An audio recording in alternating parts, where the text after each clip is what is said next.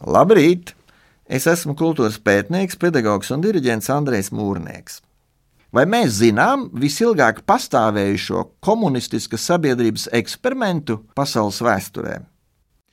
Kad jūs dzirdat šo jautājumu, droši vien prātā uzreiz nāk Padomju Savienība, ateisms, totalitārisms, kura sakas redzams vēl šodien Putina režīma ideoloģijā.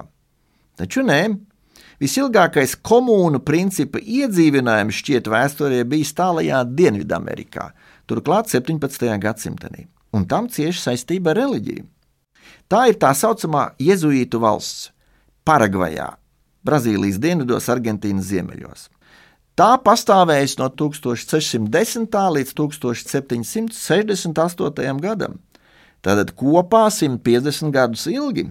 Mūki indiāņiem te piedāvāja pieņemt Eiropas kultūras pamatus nevardarbīgā veidā. Jēzuītu vadībā indiāņi panāca augstu autonomijas pakāpi no Spānijas un Portugāles impērijām. Šīs sabiedrības organizācijas formas sauc par redukciones de indios, tad redukcija kopiena, bet varbūt mūža. Šādā vienā redukcijā, jeb vienā kopienā, bija 3 līdz 10 tūkstoši cilvēku. Kopā šajā sabiedrības eksperimentā esot bijuši iesaistīti apmēram 170 tūkstoši cilvēku vienlaikus. Viņiem bija kopīgas noliktavas, padome, sadale. Katrā kopienā ir bijusi skola, baznīca, ir bijušas ģimeņu mājas, četriem līdz sešiem cilvēkiem. Bija gan kopīgā zeme, ko visi kopā apstrādājuši, gan arī privātais īpašums. Tātad tas nav bijis tāds tīrs komunisms. Mūki ir radījuši Guārana cilts rakstību arī, bijusi bruņota milicija, lai atvairītu vergu tirgotāju uzbrukumus. Apmetnes uzplauka, indiāņu darbs bija diezgan veiksmīgs. Ekonomikā viss balstījās uz lauksaimniecību, lopkopību un arī uz amatniecību.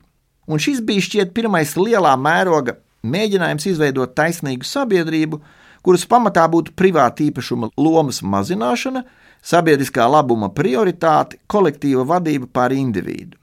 Nu, varētu teikt, sava veida teokrātiska republika.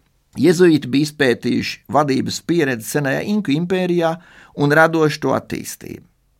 Diemžēl pārāk ilgi šī valsts nepastāvēja, jo blakus bija pavisam cita iekārta, diezgan vardarbīgie un indiāņiem nelabvēlīgie režīmi Portugāļu un Spāņu impērijās, un galu galā jēzuīta valsts tika burtiski fiziski iznīcināta, šīs redukcijas tika nodedzinātas, un indiāņu ciltis izklīdinātas. No tā visa mūsdienās ir atlikuši tikai milzīgas drupas šur tur baznīcu drupas Dienvidamerikā.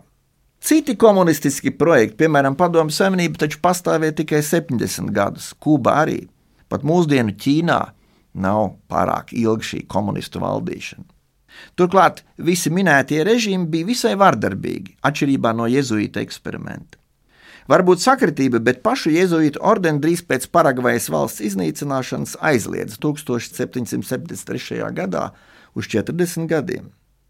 Pēc pirmo kristiešu kopienām 1. un 2. gadsimtenī, kura arī bija līdzekļu kopība, kopīga kase, kolektīva vadība, palīdzība trūcīgajiem, šis jēzuītu projekts ir nu, tāds otrais, samērā veiksmīgs sabiedrības organizēšanas projekts vēsturē un tas fundamentāli atšķiras no sociālas kontrolas sabiedrības idejas, kas pat labāk aktualizējas ne tikai Ķīnā, bet arī šur tur rietumos.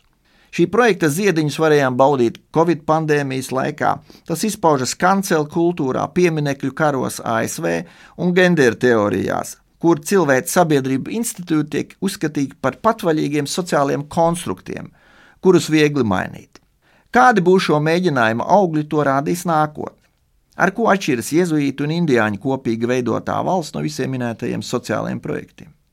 Nu, protams, ar garīguma dimensiju, kas visos citos komunismu un revolucionāro sabiedrības pārmaiņu projektos tikusi noliekta, skausta un ikti vajāta.